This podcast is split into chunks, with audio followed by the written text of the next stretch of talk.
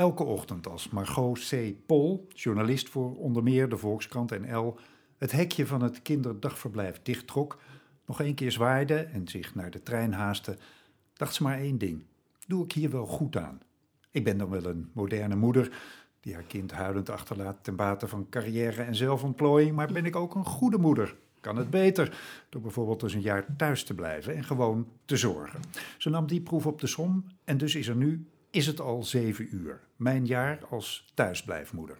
Dag Margot. Hallo. Ja, ik, eh, ik omschrijf het een beetje eh, chargerend. Een, een huilend kind wat je achter je achterlaat. Maar was dat inderdaad de reden voor jouw besluit om een jaar thuis te blijven? Dat, dat knagende geweten? Deels, zeker. Ja. Ja. dat speelde al heel lang. Dat ik me afvroeg van hoe leuk vinden mijn kinderen het nou eigenlijk daar op dat kinderdagverblijf. Ja. Ehm, ja, ik bracht ze er vrij achterloos heen. En ehm, ja, want ik wilde natuurlijk gewoon blijven werken. Dat doe je als moderne ouder.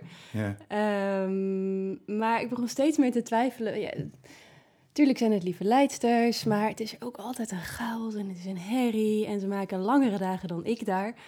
Ehm, is drie dagen in de week dan echt goed voor zo'n peuter en een kleuter? Hebben ze daar nou echt fijn? ja. Ja. Ja. En, en, en eh, wat wilde je ontdekken door het anders te doen? Want eh, het was nogal een stap voor je, want moeder zijn was toch al niet helemaal je ding. Nee, nee, klopt. Dat was eigenlijk de andere reden dat ik hier aan begon. Ehm, dat ik al vrij snel na de geboorte eigenlijk erachter kwam dat ik ehm, natuurlijk heel veel van mijn zoontjes hou, maar Ja. dat ik het moederschap niet altijd zo leuk vind. Hm. Ehm, en daarover voelde ik me natuurlijk schuldig, want welke moeder vindt het nou niet zo leuk? En ik vond het, ja, ik dacht ook, mijn kinderen hebben er ook niet om gevraagd. Een moeder die het allemaal maar een beetje matig vindt. Eh, dus eh, langzaam begon ik te denken, mis ik misschien iets? Mis ik gewoon al die kleine mooie dingetjes van het moederschap, doordat ik vier dagen in de week aan het werk ben? Ja, ja, je vroeg je dus ook af of je een goede moeder, een betere moeder, een, een Ja, invoelender ja, moeder zou worden door te moederen. geduldiger, eh, Ja. minder snel boos worden. Ja. Precies. Ja. Ja, Maar ja, toen, toen ging jij dat doen en toen kwam corona. ja. En toen zat iedereen opeens thuis met de kinderen. Veranderde dat je project? Ehm, nee, niet zozeer. Nee. Hm. Want eh, de meeste ouders werkten er natuurlijk gewoon nog steeds bij, hoe lastig en stressvol ook. Ehm, en ik was, ehm, ja, even denken hoor. Eh, ik vond het zelf vooral heel jammer voor mijzelf dat alle afleiding dus verdween door die lockdown. Ja, ja. Dat, Dat, het eh, nog meer moederen Ja, werd. het was veel intensiever nog. Ik had- dacht, zo heb ik me dat thuisblijfmoederschap niet voorgesteld. Het was gewoon geen enkele afleiding. We zaten 24 uur per dag op elkaars lip en ik, ik werd helemaal gek. Ehm, maar wat er wel goed aan was, denk ik, was dat ehm, alle vrienden en collega's die van tevoren hadden gezegd... maar wat ga je dan doen thuis? Gewoon een hele dag met die kinderen. Ga je alleen Mhm. maar in de keuken staan?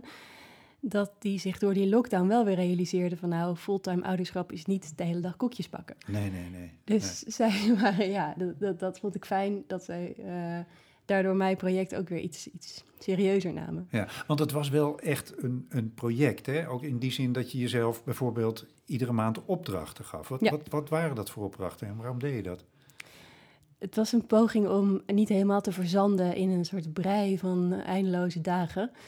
Ehm, en ik had ook zelf veel vragen waar ik echt wel mee zat. Van, ehm, ja, hoe, hoe doe je dat nou eigenlijk? En eh, wat als je als ouder niet meer zonder Netflix kunt? En, en ehm, kun je überhaupt opvoeden zonder te schreeuwen en te schelden en te slaan? Dus, want wat waren dat dan opdrachten? opdrachten? Deze maand Ja. geen Netflix, deze Precies. maand niet schreeuwen. Precies, precies. En hoe dan? het, was ook niet, het is niet allemaal gelukt. Ehm, maar ik dacht, als ik dat nou voor mezelf in ieder geval probeer uit te zoeken... dan hebben misschien andere ouders er ook nog iets aan wellicht. En ik denk dat het ook wel een poging was om toch stiekem een beetje werk ervan te maken. Ja, Dat ik dacht, nou heb ik in ieder geval nog een soort van korte doelstellingen die ik kan behalen. ja. Ja. Het resultaat, eh, als ik, als ik de aanbiedingsfolder mag geloven, is een pijnlijk eerlijk boek over moederschap. Wat maakt het pijnlijk? Dat ik mijzelf niet spaar. Ehm, ik heb heel vaak gedacht, maar moet ik dit echt wel opschrijven? Hm. Waarbij bijvoorbeeld? Nou, dat, ik zat naast mijn kinderen op het kleed met kruimels en hun speelgoed. En ik verveelde me gewoon intens. Ik dacht, ja, kun je dit zeggen? Ik verveel me als ik bij mijn kinderen ben. Ik vind het gewoon echt niet leuk. Ze zijn gewoon niet voldoende blijkbaar om mij gelukkig te maken. Hm? Dat vond ik best wel hard. Maar ik dacht ook, ja, er, ik kan niet de enige zijn die dit zo voelt. En, ik, Hm. ehm, en ja, andere eh, momenten dacht ik, werd ik echt heel kwaad. En ben ik heel, eh, schreef- dat schreef ik ook op. En toen zei mijn eigen moeder, die ook altijd thuisblijfmoeder is geweest, van moet je dit wel zo opschrijven? Straks komt de kinderbescherming naar jullie toe. Dus, ehm, Die herinnerde zich niet meer dat zij ook wel eens kwaad werd. Nee, die werd nooit kwaad. Nou zegt ja. ze. Oh, ja.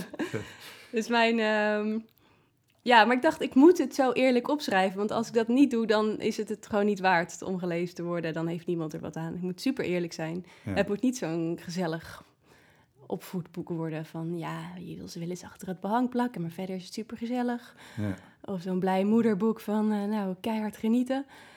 Eh, nee, ik wilde gewoon echt schrijven zoals ik het zelf heb ervaren. En dat is gewoon heel vaak niet zo leuk. Nee. Ja. En is er één hele belangrijke les die je alvast prijs kan geven? Dat dat oké is, denk ik. Dat het vaak niet zo leuk is. Hm? Dat het helemaal niet zo erg is.